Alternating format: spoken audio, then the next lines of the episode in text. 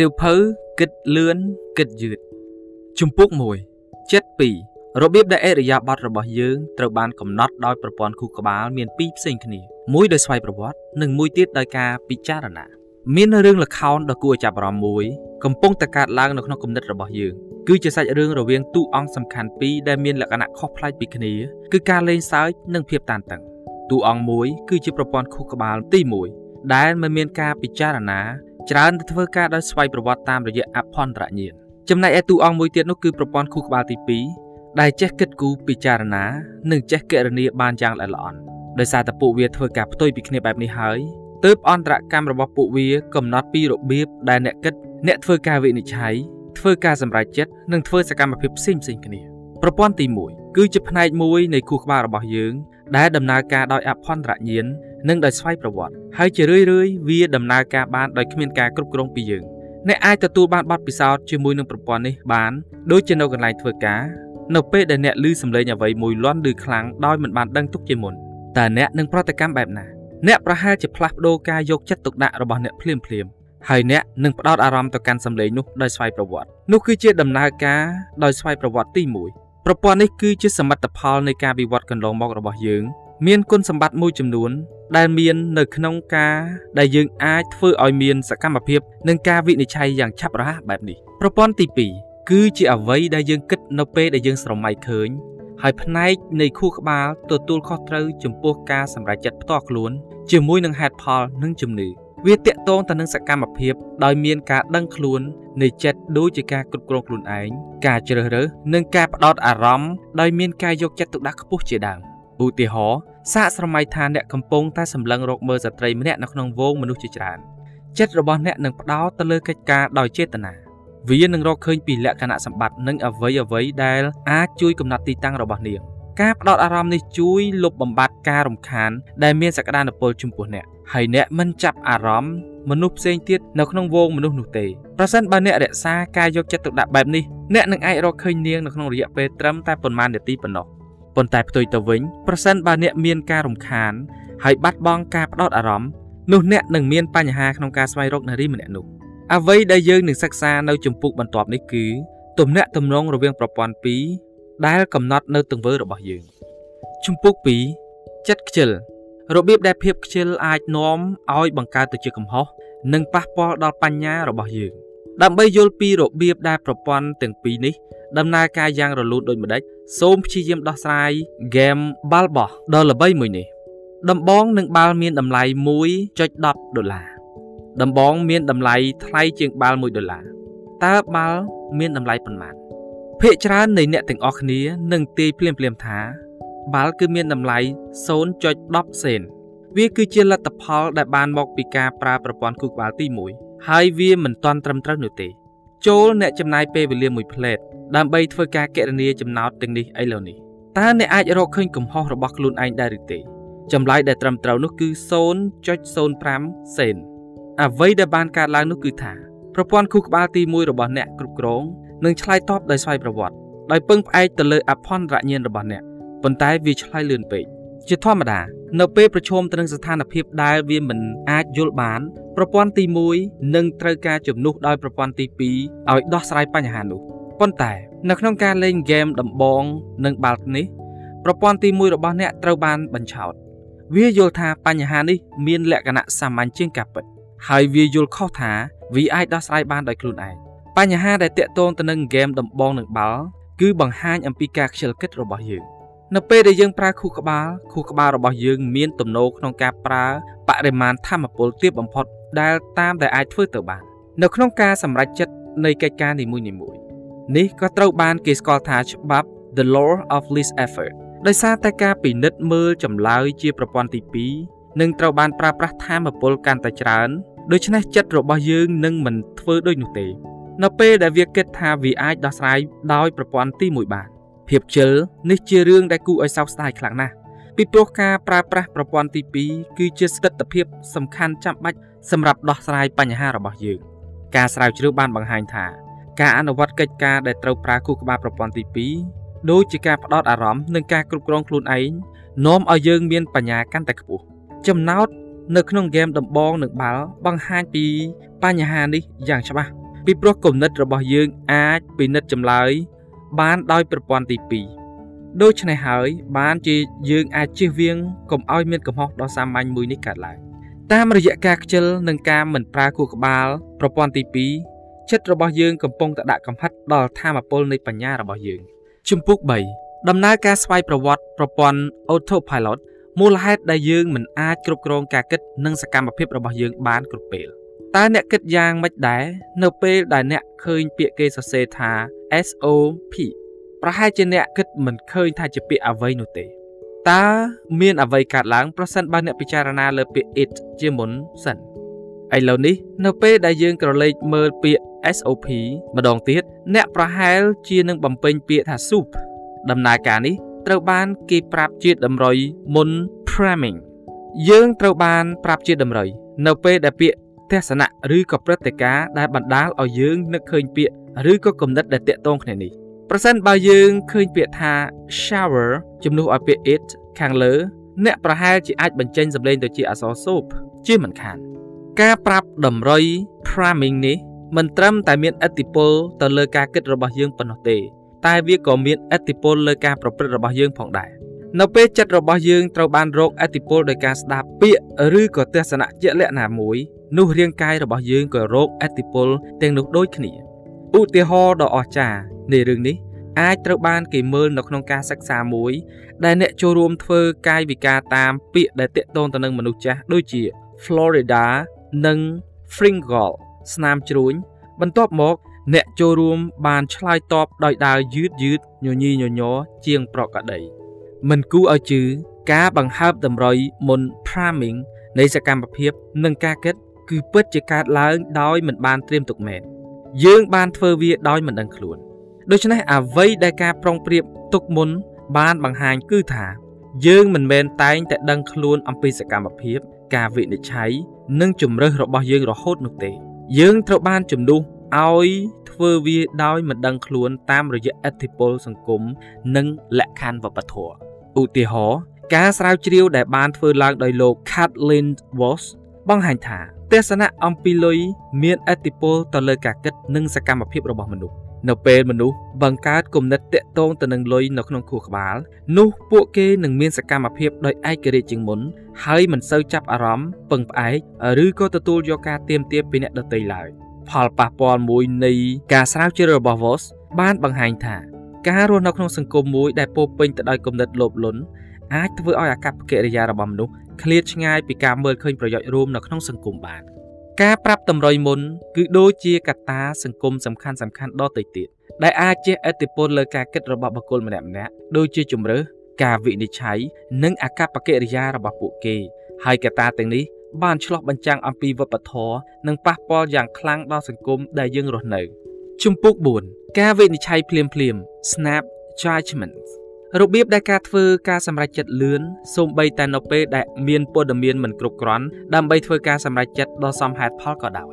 សាកស្រមៃថាអ្នកបានជួបមនុស្សម្នាក់ឈ្មោះ Ben គាត់នៅក្នុងពិធីជប់លៀងមួយហើយអ្នកមានអារម្មណ៍ថាគាត់ជាមនុស្សដែលស្រួលនិយាយជាមួយអ្នកណាស់ក្រោយមកមានគេសួរថាតើអ្នកស្គាល់នរណាម្នាក់ដែលចង់ចូលរួមវិភាគទានដល់សប្បុរសធម៌របស់ពួកគេដែរឬទេអ្នកក៏ចាប់ផ្ដើមគិតអំពី Ben ភ្លាមភ្លាមតែម្ដង ទោះបីជារឿងតែមួយគត់ដែលអ្នកដឹងអំពីគាត់គឺថាគាត់ជាមនុស្សស្រួលនិយាយគ្នាក៏ដោយនិយាយម្យ៉ាងទៀតអ្នកបានចូលចិត្តលក្ខណៈសម្បត្តិរបស់ Ben ដូច្នេះអ្នកសន្មត់ថាអ្នកក៏អាចចូលចិត្តលក្ខណៈផ្សេងទៀតរបស់គាត់ផងដែរយើងគ្រាន់តែធ្វើការស្មានទុកមុនថាខ្លួនពេញចិត្តឬក៏មិនពេញចិត្តចំពោះនរណាម្នាក់ទោះបីជាយើងមិនសូវស្គាល់គេច្បាស់ក៏ដោយទំនោរចិត្តរបស់យើងតែងតែគិតថាវាស្រួលទាំងខ្លួនមិនមានព័ត៌មានគ្រប់គ្រាន់ ហើយច្រើនតែនាំឲ្យមានកំហុសក្នុងការវិនិច្ឆ័យនេះត្រូវបានគេហៅថាជាប់តាក់ទងទៅនឹងអារម្មណ៍រំជើបរំជួលដែលត្រូវបានគេស្គាល់ផងដែរថា halo effect អារម្មណ៍វិជ្ជមាន អំពីភាពងាយស្រួលរបស់ Ben បណ្ដាលឲ្យអ្នកមានចិត្តវិជ្ជមានទៅលើ Ben ទោះបីជាអ្នកដឹងត្រឹមតែរឿងតិចតួចអំពីគាត់ក៏ដោយប៉ុន្តែនេះមិនមែនជាវិធីមួយទេ ដែលការគិតរបស់យើងដើរផ្លូវកាត់នៅពេលធ្វើការវិនិច្ឆ័យនោះ វាក៏មានគំនិតគ្រប់គ្រងសម្រាប់ការធ្វើបញ្ជាក់ផងដែរទោះបីជាទំនោររបស់មនុស្សក្នុងការយល់ព្រមគឺមានភាពងាយស្រួលចំពោះព័ត៌មានទាំងឡាយណាដែលគ្រប់គ្រងទៅនឹងជំនឿដែលពួកគេធ្លាប់មានពីមុនក៏ដូចជាទទួលយកព័ត៌មានណាដែលត្រូវបានណែនាំទៅកាន់ពួកគេ វាអាចត្រូវបានគេបង្ហាញ ប្រសិនបើយើងស៊ូសំណួរថាតើ Jam ជាមនុស្សរស់រាយដែរឬទេ តាមការសិក្សាបង្ហាញថា បើយើងត្រូវឆ្លើយនឹងសំណួរនេះ ប៉ុន្តែมันមានព័ត៌មានផ្សេងទៀតទេយើងប្រហែលជាសន្មតថាលោក Jam គឺជាមនុស្សរស់រាយពីព្រោះចិត្តរបស់យើងនឹងបញ្ជាក់អំពីគំនិត ដែលបានស្នើដោយប្រព័ន្ធស្វ័យប្រវត្តិនេះរួចទៅហើយអតិពលហុំព័ទ្ធជុំវិញការបញ្ជាក់ដោយភាពលំអៀងទាំងពីរកើតឡើងដោយសារតែចិត្តរបស់យើងបន្ទាន់ពេកហើយចង់ធ្វើការវិនិច្ឆ័យឲ្យរហ័សប៉ុន្តែវាច្រើនតែនាំឲ្យមានកំហុសពីព្រោះយើងតែងតែមិនមានទិន្នន័យគ្រប់គ្រាន់ដើម្បីធ្វើការសម្រេចចិត្តដ៏ត្រឹមត្រូវនោះទេ ចិត្តរបស់យើងពឹងផ្អែកទៅលើការផ្ដោតយោបល់ដែលមិនត្រឹមត្រូវនិងតែងតែគិតថាវាងាយស្រួលពេកដើម្បីបំពេញចន្លោះប្រហោងក្នុងទិន្នន័យដែលនាំឲ្យយើងសន្និដ្ឋានខុសដូចជាការប្រាប់តម្រុយមុនអញ្ចឹងបាតុភូតនៃការយល់ដឹងទាំងនេះកើតឡើងដោយមិនដឹងខ្លួន ហើយវានឹងប៉ះពាល់ដល់ការជ្រើសរើសការវិនិច្ឆ័យនិងការបញ្ចេញសកម្មភាពរបស់យើងជំពូក5ការអង្កេត heuristic របៀបដែលចិត្តប្រើផ្លូវកាត់ ដើម្បីធ្វើការសម្រេចចិត្តឲ្យបានលឿនជាញឹកញាប់យើងត្រូវបានប្រឈមនឹងស្ថានភាពដែលតម្រូវឲ្យយើងធ្វើការវិនិច្ឆ័យឬក៏សម្រេចចិត្តភ្លាមភ្លាមដើម្បីជួយយើងធ្វើដូច្នោះចិត្តរបស់យើងបានបង្កើតនូវផ្លូវកាត់ដ៏តូចមួយដើម្បីយល់អំពីមជ្ឈដ្ឋានជុំវិញយើងឲ្យបានភ្លាមភ្លាមទាំងនេះត្រូវបានគេហៅថាការអង្កេតភាគច្រើនដំណើរការនេះមានប្រយោជន៍ខ្លាំងណាស់ប៉ុន្តែបញ្ហាគឺនៅត្រង់ថា ចិត្តរបស់យើងមានទំនោរចង់ប្រើវាហួសប្រមាណអនុវត្តវានៅក្នុងស្ថានភាពដែលមិនសមនឹងវានឹងអាចនាំឲ្យយើងបង្កើតកំហុសបានដើម្បីទទួលបានការយល់ដឹងកាន់តែច្បាស់អំពីការដែលអង្កេតនិងកំហុសបែបណាដែលយើងអាចពិនិត្យពីចំណុចនៅក្នុងចំណោមប្រភេទជាច្រើនរបស់វា គឺការជំនួសនៃការអង្កេត substitution heuristic និងភាពដែលអាចអង្កេតបាន availabilities heuristic ការជំនួសនៃការអង្កេត substitution heuristic គឺជាកន្លែងដែលយើងឆ្លើយសំណួរដោយងាយងាយជាជាងការឆ្លើយសំណួរដែលត្រូវបានគេសួរជាក់ស្ដែងសូមយកសំណួរនេះជាឧទាហរណ៍ស្ត្រីម្នាក់នោះគឺជាបេក្ខជននៃកងការពារ Zarif នាងនឹងទទួលបានជោគជ័យនៅក្នុងតំណែងយ៉ាងដូចម្ដេចយើងបានជំនួសសំណួរដែលគេបានសួរទៅជាសំណួរដែលងាយស្រួលជាងនេះ តើស្ត្រីម្នាក់នេះមើលទៅដូចជាមនុស្សដែលនឹងក្លាយទៅជាកងការពារដ៏ល្អម្នាក់ដែរឬទេ ការអង្កេតបែបនេះមានន័យថាជំនួសឲ្យការស្រាវជ្រាវប្រវត្តិនិងគោលនយោបាយរបស់បេក្ខជន យើងគ្រាន់តែសួរខ្លួនយើងនៅសំណួរដែលងាយស្រួលជាង ដូចជាសួរថាតើស្ត្រីម្នាក់នេះត្រូវនឹងរូបភាពដែលយើងស្រមៃក្នុងចិត្តថា ជាកងការពារល្អដែរឬក៏អត់ ជាអកុសលប្រសិនបើស្ត្រីនោះមើលទៅមិនសមនឹងរូបភាពដែលយើងស្រមៃនោះទេ យើងអាចបដិសេធមិនជ្រើសរើសយកនាងទោះបីជានាងមានបទពិសោធន៍ជាច្រើនឆ្នាំដែលអាចធ្វើឲ្យនាងក្លាយទៅជាបេក្ខជនដ៏ល្អបំផុតម្នាក់ក៏ដោយបន្ទាប់មកទៀតគឺការអង្កេតដែលអាចជួយទៅរួច availability heuristic ដែលជាកន្លែងដែលអ្នកអាចប៉ាន់ស្មានថារឿងណាអាចកើតឡើងបាន ពីព្រោះអាចថាអ្នកបានលឺជាញឹកញាប់ឬក៏ងាយនឹងចងចាំ ឧទាហរណ៍ជំងឺដាច់សរសៃឈាមខួរក្បាលបណ្ដាលឲ្យមានមនុស្សស្លាប់ច្រើនជាងគ្រោះថ្នាក់ចរាចរណ៍ប៉ុន្តែការស្រាវជ្រាវមួយបានរកឃើញថា80%នៃអ្នកប្រតិកម្មបានចាត់ទុកថាការស្លាប់ដោយគ្រោះថ្នាក់ចរាចរណ៍គឺជាព្រំលិខិតដ៏ខុសខើមួយទៅវិញប៉ុន្តែគឺដោយសារតែជាញឹកញាប់យើងបានឮពីការស្លាប់ដោយគ្រោះថ្នាក់ចរាចរណ៍ នៅតាមប្រព័ន្ធផ្សព្វផ្សាយហើយវាធ្វើឲ្យយើងចងចាំពីការស្លាប់ដោយសារគ្រោះថ្នាក់ចរាចរណ៍ដែលគួរឲ្យរន្ធត់ជាងការស្លាប់ដោយជំងឺដាច់សរសៃឈាមខួរក្បាល ហើយដូច្នេះយើងមានប្រតិកម្មខុសពីធម្មតាចំពោះគ្រោះថ្នាក់មួយនេះជំពូក6គ្មានការគិតលេខ no head for number ហេតុអ្វីបានជាយើងមានភាពលំបាកក្នុងការយល់ពីស្ថិតិនិងធ្វើឲ្យមានកំហុសដែលអាចជៀសវាងបានដោយសារតែវាតើអ្នកអាចធ្វើការទស្សទាយដោយរបៀបណា រឿងជាក់លាក់មួយនឹងកើតឡើងនៅពេលខាងមុខមធ្យោបាយដ៏មានប្រសិទ្ធភាពមួយគឺការរក្សាអត្រាមូលដ្ឋាននេះសំដៅទៅលើមូលដ្ឋានស្ថិតិដែលស្ថិតិផ្សេងទៀតពឹងផ្អែកទៅលើជាឧទាហរណ៍ស្រមៃថាក្រុមហ៊ុនតាក់ស៊ីធំមួយមានរថយន្តពណ៌លឿង20%និងរថយន្តពណ៌ក្រហម80%នោះមានន័យថាអត្រាមូលដ្ឋានសម្រាប់រថយន្តពណ៌លឿងគឺមាន20%ហើយអត្រាមូលដ្ឋានរបស់រថយន្តពណ៌ក្រហមគឺមាន80%ប្រសិនបើអ្នកជួលរថយន្តជិះ ហើយអ្នកចង់ទាយពណ៌របស់វា សូមចងចាំអំពីអត្រាមូលដ្ឋាននេះនោះអ្នកនឹងធ្វើការទស្សន៍ទាយបានត្រឹមត្រូវដូច្នេះយើងគូចងចាំអត្រាមូលដ្ឋាននៅពេលទស្សន៍ទាយព្រឹត្តិការណ៍ណាមួយប៉ុន្តែជាអកុសលជារឿយរឿយអ្នកមិនបានធ្វើបែបនេះទេតាមពិតការមិនយកចិត្តទុកដាក់ទៅលើអត្រាមូលដ្ឋានគឺជាកំហុសដ៏សាមញ្ញបំផុត ហេតុផលមួយក្នុងចំណោមហេតុផលផ្សេងទៀតដែលយើងគិតថាយើងមិនចាំបាច់ខ្វល់នឹងអត្រាមូលដ្ឋាននេះគឺដោយសារតែយើងបានផ្ដោតលើអ្វីដែលយើងរំពឹងទុកជាងអ្វីដែលនឹងកើតឡើងឧទាហរណ៍សូមមើលទៅលើរថយន្តទាំងនោះម្ដងទៀតប្រសិនបើយើងបានឃើញរថយន្តពណ៌ក្រហម5គ្រឿងបើកាត់មុខអ្នកអ្នកប្រហែលជាចាប់ផ្ដើមមានអារម្មណ៍ថារថយន្តបន្ទាប់ប្រកាសជាពណ៌លឿងជាមិនខានប៉ុន្តែមិនថាមានចំនួនរថយន្តពណ៌អ្វីក៏ដោយដែលបានបើកឆ្លងកាត់រួចនោះទេ ភាពដែលអាចកើតឡើងនឹងនៅតែពណ៌ក្រហមប្រហែលជា80%ដដែលហើយប្រសិនបើយើងចងចាំអត្រាមូលដ្ឋាន យើងគូតែដឹងច្បាស់អំពីវាប៉ុន្តែផ្ទុយទៅវិញ យើងមានទំនោរផ្ដោតទៅលើអ្វីដែលយើងរំពឹងថានឹងអាចកើតឡើងដូច្នេះហើយយើងទំនងជានឹងទីខុសការមិនយកចិត្តទុកដាក់ទៅលើអត្រាមូលដ្ឋាន គឺជាកំហុសដ៏សាមញ្ញមួយ ដែលត្រូវបានជាប់ទាក់ទងទៅនឹងបញ្ហាកាន់តែធំនៃការធ្វើស្ថិតិ យើងតែងតែព្យាយាមក្នុងការចងចាំអ្វីគ្រប់យ៉ាងនៅក្រោមរូបភាពជាមធ្យមនេះគឺជាការទទួលស្គាល់ថាគ្រប់ស្ថានភាពទាំងអស់មានកម្រិតរបស់វា ហើយការប្រែប្រួលពីមធ្យមភាពនោះ នៅទីបំផុតវានឹងថយក្រោយទៅរកមធ្យមភាពនោះដដែលឧទាហរណ៍ប្រសិនបើខ្សែប្រយុទ្ធបាល់ទាត់ដែលជាមធ្យមរកបាន5គ្រាប់ក្នុងមួយខែហើយនាងរកបាន10គ្រាប់ក្នុងខែកញ្ញាគ្រូបង្វឹករបស់នាងនឹងរំភើបក្រៃលែង ប៉ុន្តែប្រសិនបើនាងអាចរកបានប្រហែលជា5គ្រាប់ក្នុងមួយខែមួយខែនៅឆ្នាំបន្ទាប់គ្រូបង្វឹករបស់នាងប្រហែលជានឹងរិះគន់នាង ចំពោះការមិនបន្តភាពអស្ចារ្យរបស់នាង ជាការពិតខ្សែប្រយុទ្ធរូបនោះមិនសមនឹងទទួលបានការរិះគន់នោះទេពីព្រោះនាងគ្រាន់តែធ្លាក់ចុះចំនួនជាមធ្យមរបស់នាងតែប៉ុណ្ណោះជំពូក7ភាពមិនល្អឥតខ្ចោះពីអតីតកាល past imperfection ហេតុអ្វីបានជាយើងចងចាំព្រឹត្តិការណ៍បន្ទាប់ពីការមើលឃើញជាជាងបទពិសោធន៍ខួរក្បាលរបស់យើងមិនចាំពីបទពិសោធន៍ដោយត្រង់ត្រង់ទេ យើងមានឧបករណ៍ពីរផ្សេងគ្នា ដែលត្រូវគេហៅថាទូសតិទាំងពីរហើយពួកវាដើរតួនៅក្នុងការចងចាំក្នុងស្ថានភាពខុសៗគ្នា ទី1គឺមានអង្គពិសោធន៍ដែលកត់ត្រាពីអារម្មណ៍របស់យើងនៅក្នុងពេលបច្ចុប្បន្នវាសួរសំណួរថាឥឡូវនេះតើវាមានអារម្មណ៍យ៉ាងដូចម្ដេច ទី2គឺមានអង្គចងចាំដែលកត់ត្រាពីរបៀបដែលព្រឹត្តិការណ៍ទាំងមូលបានលាតត្រដាងបន្ទាប់ពីការពិត វាសួរថាតើរឿងរ៉ាវទាំងមូលយ៉ាងដូចម្ដេចដែរអង្គពិសោធន៍ផ្ដល់នៅកំណត់ហេតុដែលត្រឹមត្រូវជាងអំពីអ្វីដែលកើតឡើងព្រោះអារម្មណ៍របស់យើង ក្នុងអំឡុងពេលទទួលបានបទពិសោធន៍គឺតែងតែត្រឹមត្រូវបំផុតប៉ុន្តែទូអង្គចងចាំទៅវិញទេ ដែលមិនមានសុក្រិតភាព ពីព្រោះវាចោះឈ្មោះការចងចាំបន្ទាប់ពីស្ថានភាពត្រូវបានបញ្ចប់ហើយវា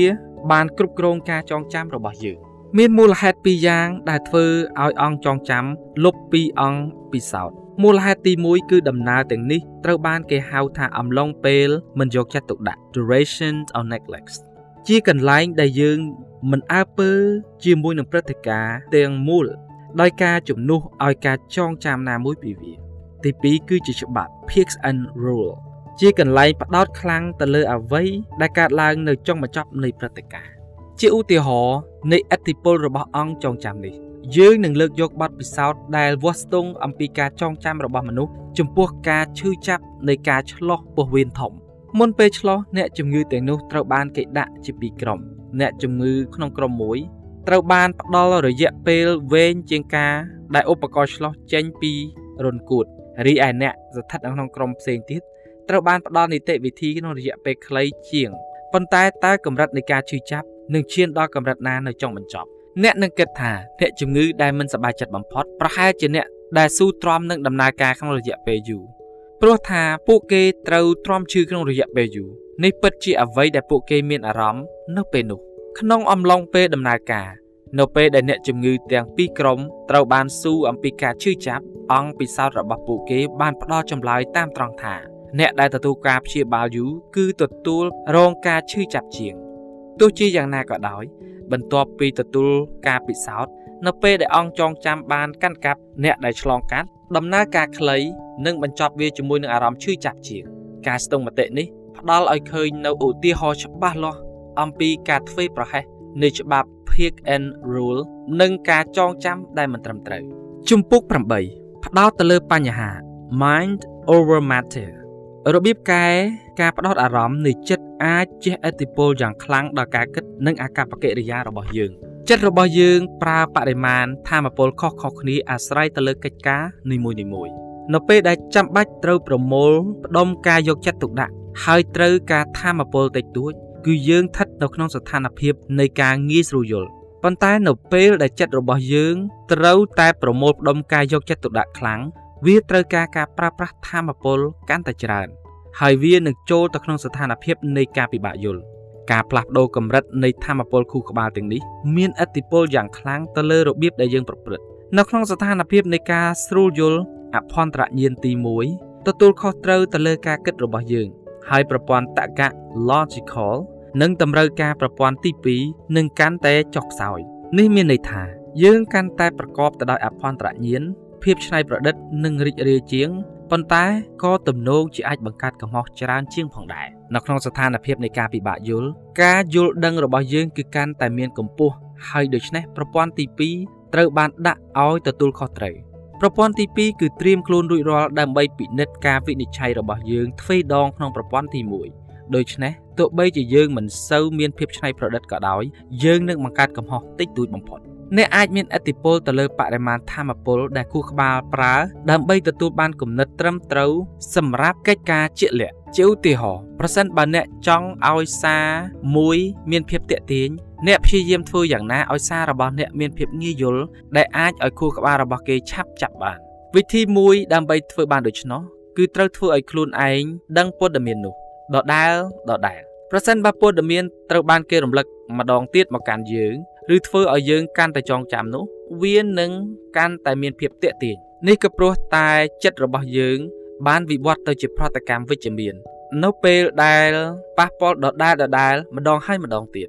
នៅពេលដែលយើងឃើញអ្វីដែលប្រហាក់ប្រហែលយើងនឹងចូលទៅក្នុងស្ថានភាពដែលងាយយល់ផ្ទុយទៅវិញការដែលពិបាកយល់ជួយយើងឲ្យទទួលបានជោគជ័យ ចំពោះបញ្ហាមួយចំនួនដូចជាបញ្ហាគណនាស្ថិតិជាដើមយើងអាចចូលទៅក្នុងស្ថានភាពនេះដោយលាតត្រដាងខ្លួនយើងអំពីព័ត៌មានដែលត្រូវបានធ្វើឲ្យយើងមានការយល់ច្រឡំជាឧទាហរណ៍តាមរយៈអ្វីដែលពិបាកអានគំនិតរបស់យើងនឹងពុះកញ្ជ្រោលនិងបង្កើនកម្រិតធម៌ពលរបស់វាក្នុងការខិតខំយល់អំពីបញ្ហាដូច្នេះហើយទើបយើងងាយនឹងបោះបង់ចោល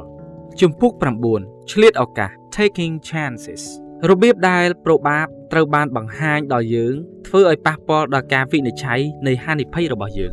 របៀបដែលយើងវិនិច្ឆ័យទៅលើគំនិត និងរបៀបដោះស្រាយបញ្ហាត្រូវបានកំណត់យ៉ាងច្បាស់តាមរយៈរបៀបដែលពួកគេបានបង្ហាញមកលើយើងការផ្លាស់ប្ដូរបន្តិចបន្តួចចំពោះព័ត៌មានលម្អិតការផ្ដោតអារម្មណ៍ទៅលើអំណះអំណាង ឬសំណួរអាចផ្លាស់ប្ដូរយ៉ាងខ្លាំងនៅរបៀបដែលយើងដោះស្រាយ ឧទាហរណ៍ដ៏សំខាន់មួយនៃរឿងនេះអាចត្រូវបានគេរកឃើញនៅក្នុងរបៀបដែលយើងវាយតម្លៃអំពីហានិភ័យ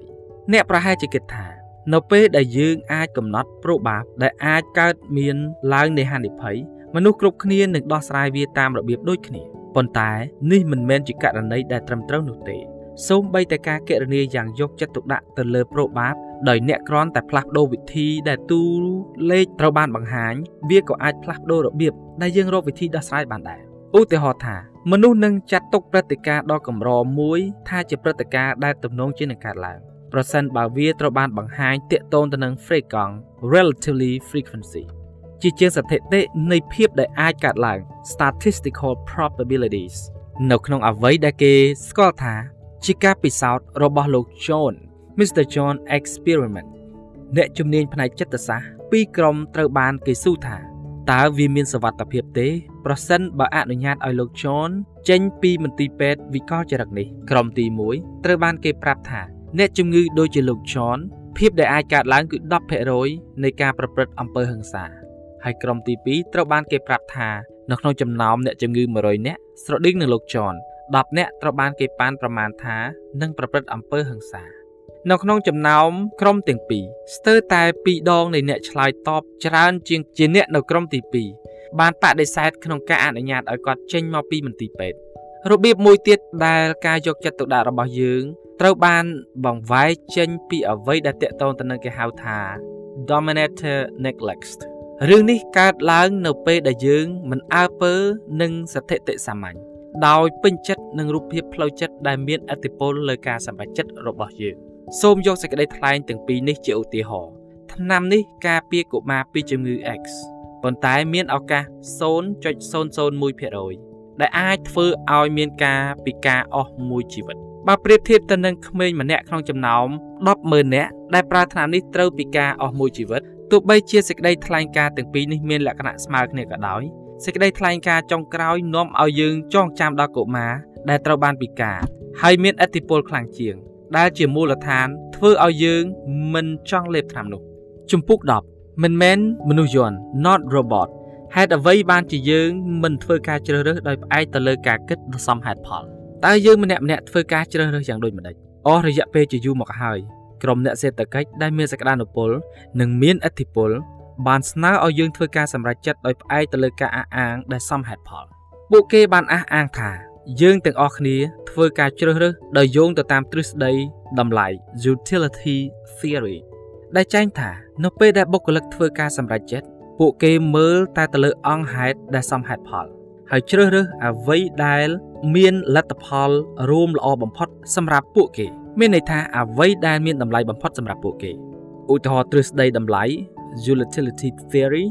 នឹងបង្ហាញអំណះអំណាងប្រភេទនេះប្រសិនបើអ្នកចូលចិត្តផ្លែក្រូច ច្រើនជាងផ្លែគីវីនោះអ្នកនឹងជ្រើសរើសយកឱកាស10%នៃការឈ្នះក្រូចជាជាងយក10%នៃការឈ្នះផ្លែគីវី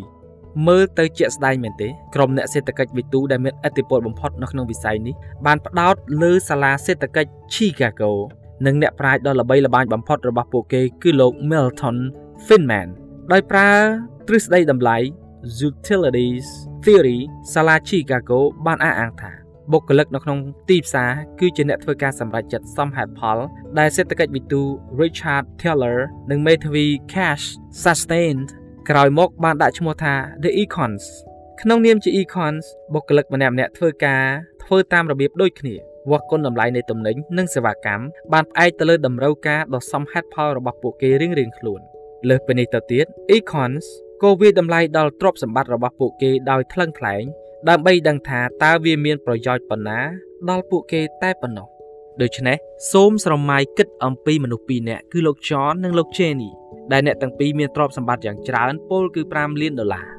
យោងទៅតាមទ្រឹស្ដីនៃ utility theory ពួកគេមានទ្រព្យសម្បត្តិស្មើគ្នា មានន័យថាពួកគេទាំងពីរគូតែរីករាយជាមួយនឹងហិរញ្ញវត្ថុរបស់ពួកគេដូចគ្នាប៉ុន្តែចុះវានឹងទៅជាយ៉ាងណាប្រសិនបើយើងធ្វើឲ្យវាស្មុគស្មាញជាងនេះបន្តិច ឧបមាថាលុយ5លានដុល្លាររបស់ពួកគេត្រូវបានកំណត់ម្ដងទៀតបន្ទាប់ពីពួកគេយកទៅលេងល្បែងក្នុងរយៈពេលត្រឹមតែមួយថ្ងៃនៅកាស៊ីណូហើយអ្នកទាំងពីរមានចំណុចចាប់ផ្ដើមខុសគ្នាយ៉ាងខ្លាំង John ដើរចូលទៅជាមួយលុយត្រឹមតែ1លានដុល្លារហើយលុយនោះបានកើនឡើងរហូតដល់5ដង ចំណែកឯ Jenny ចូលមកជាមួយនឹងលុយ9លានដុល្លារដែលស្រកចុះមកនៅត្រឹម5លានដុល្លារតើអ្នកនៅតែគិតថា John និង Jenny នៅតែសប្បាយចិត្តដូចគ្នា ជាមួយនឹងទឹកប្រាក់5លានដុល្លាររបស់ពួកគេទៀតទេប្រកាសណាស់ពួកគេមិនសប្បាយចិត្តដូចគ្នាទេហើយច្បាស់ណាស់ថាមានអ្វីផ្សេងទៀតជាវិធីដែលយើងវាយតម្លៃលើអ្វីមួយជាជាងប្រយោជន៍សុទ្ធ pure utilities ដោយអ្វីដែលយើងនឹងបានឃើញនៅក្នុងចម្ពោះបន្ទាប់ប្រសិនបើយើងមិនបានឃើញគុណតម្លៃ utility ណាមួយសមហេតុផលគំនិតទ្រឹស្ដីនៃគុណតម្លៃ utility theory នោះទេ នោះយើងនឹងអាចធ្វើការសម្រេចចិត្តដ៏សមហេតុផលច្រើនជាងជំពូក11អារម្មណ៍ក្លាហាន gut feeling ហេតុអ្វីជាជាងធ្វើការសម្រេចចិត្តដោយផ្អែកទៅលើការពិចារណាសមហេតុផល យើងច្រើនទៅត្រូវបានជំរុញដោយកត្តាអារម្មណ៍ប្រសិនបើទ្រឹស្ដីនៃតម្លៃមិនដំណើរការតើមានអ្វីដែលដំណើរការជំរើសមួយទៀតគឺទ្រឹស្ដីទស្សនវិស័យ prospect theory ដែលត្រូវបានរកឃើញដោយអ្នកនិពន្ធទ្រឹស្ដីទស្សនវិស័យ prospect theory របស់លោក Kahneman ប្រឆាំងទៅនឹងទ្រឹស្ដីតម្លៃ utility theory ដោយបង្ហាញថា នៅពេលដែលយើងធ្វើការជ្រើសរើសយើងមិនមែនតែងតែធ្វើទៅតាមរបៀបសមហេតុផលបំផុតនោះទេ ស្រមៃមើល scenario ទាំងពីរនេះជាឧទាហរណ៍នៅក្នុង scenario ដំបូងអ្នកត្រូវបានគេផ្ដល់ទឹកប្រាក់ចំនួន1000ដុល្លារហើយបន្ទាប់មកអ្នកត្រូវជ្រើសរើសរវាងការទទួលបានលុយ500ដុល្លារភ្លាមឬក៏ទទួលបានឱកាស50%ដើម្បីទទួលបានលុយទាំង1000ដុល្លារផ្សេងទៀត នៅក្នុងសេណារីអូទាំងពីរអ្នកត្រូវបានផ្ដល់ទឹកប្រាក់ចំនួន2000ដុល្លារហើយបន្ទាប់មកអ្នកជ្រើសរើសរវាងការខាត500ដុល្លារឬក៏ទទួលយកឱកាស50%លើការបាត់បង់1000ដុល្លារប្រសិនបើយើងធ្វើការជ្រើសរើសដោយសមហេតុផលសុទ្ធសាធនោះ pure rational យើងនឹងធ្វើការជ្រើសរើសដូចគ្នានៅក្នុងករណីទាំងពីរប៉ុន្តែនេះមិនមែនជាករណីបែបហ្នឹងនោះទេ ក្នុងករណីដំបូងមនុស្សភាគច្រើនជ្រើសរើសយកជំរើសជាក់លាក់ឧទាហរណ៍ដែលករណីទី2មនុស្សភាគច្រើនសាកប្រថុយភ្នល់ម្នាក់មួយក្តារក្នុងទ្រឹស្ដីទស្សនវិស័យជួយពន្យល់ពីមូលហេតុដែលអាចកើតឡើងនេះវាបង្ហាញថាយ៉ាងហោចណាស់មានហេតុផលពីរដែលយើងតែងតែមិនធ្វើដោយសមហេតុផលពួកវាទាំងពីរបង្ហាញពីការមិនចង់បាត់បង់របស់យើងដែលជាការពិតយើងខ្លាចបាត់បង់ច្រើនជាងការដែលយើងទទួលបាន មូលហេតុទី1គឺយើងឲ្យតម្លៃទៅលើអ្វីដែលផ្អែកទៅលើកត្តាយោងចាប់តាំងពី1000ដុល្លារឬក៏2000ដុល្លារក្នុងសេណារីអូទាំងពីរផ្លាស់ប្ដូរថាតើយើងសុខចិត្តលេងលបែងភ្នល់ដែរឬទេពីព្រោះតែចំណុចផ្ដើមមានឥទ្ធិពលទៅលើរបៀបដែលយើងវិយតម្លៃដល់ទីតាំងរបស់យើងចំណុចយោងទៅលើសេណារីអូទី1គឺ1000ដុល្លារនិង2000ដុល្លារនៅក្នុងសេណារីអូទី2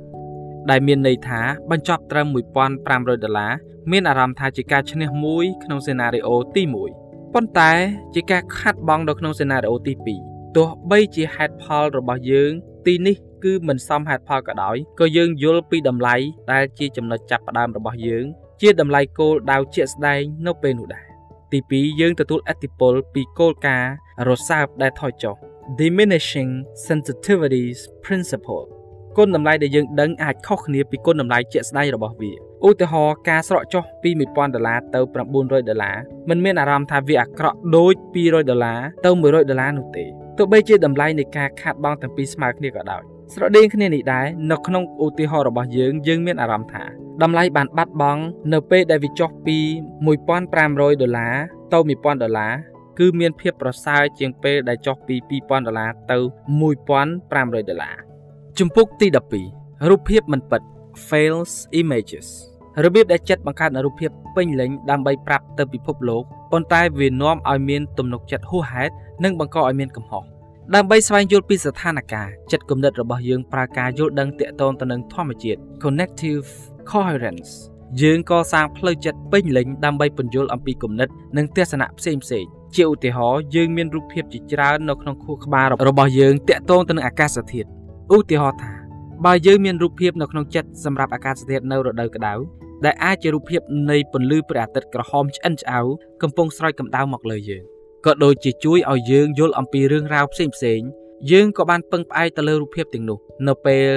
ធ្វើការសម្រេចចិត្តអ្វីមួយផងដែរនៅពេលដែលយើងធ្វើការសម្រេចចិត្តយើងសំដៅទៅលើរូបភាពទាំងនោះហើយបង្កើតទៅជាការសន្មត់និងការសន្និដ្ឋានរបស់យើងដោយផ្អែកទៅលើរូបភាពទាំងអស់ហ្នឹង ឧទាហរណ៍ថាប្រសិនបើយើងចង់ដឹងថាតើសម្លៀកបំពាក់អ្វីដែលត្រូវពាក់នៅរដូវក្តៅយើងធ្វើការសម្រេចចិត្តរបស់យើងដោយផ្អែកទៅលើរូបភាពអាកាសធាតុនៅរដូវនោះបញ្ហាគឺនៅត្រង់ថាយើងដាក់ទំនុកចិត្តច្រើនពេកទៅលើរូបភាពទាំងនោះទោះបីជាមានសถิតិនិងទិន្នន័យមិនយល់ស្របនឹងរូបភាពផ្លូវចិត្តរបស់យើងក៏ដោយក៏យើងនៅតែអនុញ្ញាតឲ្យរូបភាពនោះមកនាំផ្លូវយើងដដែលទូយ៉ាងនៅរដូវក្តៅអ្នកព្យាករណ៍អាកាសធាតុបានព្យាករណ៍ថា អាកាសធាតុនឹងចុះត្រជាក់ប៉ុន្តែអ្នកនៅតែស្លៀកខ្លីនិងពាក់អាវយឺតដូចអ្វីដែលរូបភាពក្នុងចិត្តរបស់អ្នកបានប្រាប់អ្នកអំពីអាកាសធាតុនៅរដូវក្តៅចុងក្រោយគឺអ្នកត្រូវរងាញាក់នៅខាងក្រៅ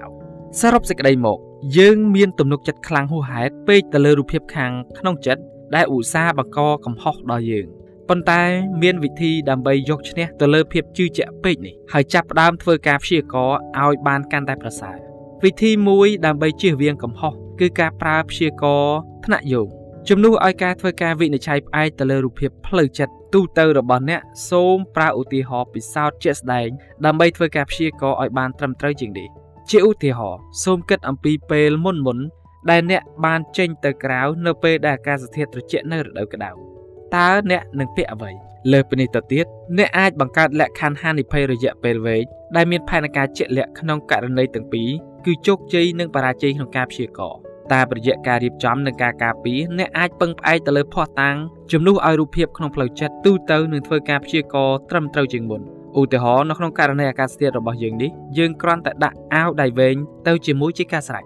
សេចក្តីសង្ខេបចុងក្រោយសារសំខាន់នៅក្នុងសៀវភៅនេះសៀវភៅគិតលឿនគិតយឺតបង្ហាញយើងថាខួរក្បាលរបស់យើងដំណើរការដោយប្រព័ន្ធពីរផ្សេងគ្នាប្រព័ន្ធទី1គឺធ្វើសកម្មភាពតាមសភាវគតិ ហើយត្រូវការចំណាយធម៌ពលក្នុងការគិតតិចតួចបំផុតប្រព័ន្ធទី2គឺធ្វើការផ្ចិតផ្ចង់ច្រើនហើយត្រូវការយកចិត្តទុកដាក់ខ្លាំងគិតនិងសកម្មភាពរបស់យើងខុសៗគ្នាអាស្រ័យទៅលើប្រព័ន្ធទាំងពីរដែលគ្រប់គ្រងខួរក្បាលរបស់យើងនៅពេលនោះដំបូន្មានដែលអាចយកទៅអនុវត្តបាន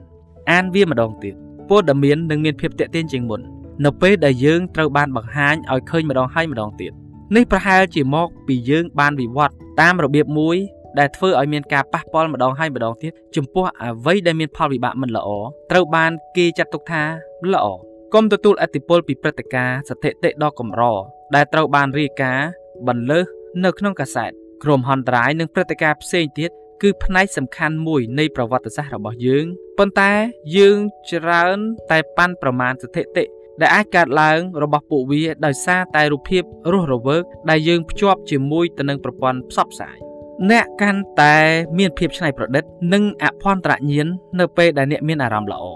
នៅពេលដែលអ្នកមានអារម្មណ៍ល្អប្រសើរផ្នែកនៃចិត្តដែលប្រុងប្រយ័ត្ននិងវិភាគមានភាពធូរស្រាលវាជួយគ្រប់គ្រងគំនិតរបស់អ្នកទៅកាន់ប្រព័ន្ធគំនិតដែលមានអភ័ន្តរញ្ញាណនិងគិតលឿនជាងមុនដែលធ្វើឲ្យអ្នកកាន់តែមានភាពច្នៃប្រឌិតជាងមុន thank you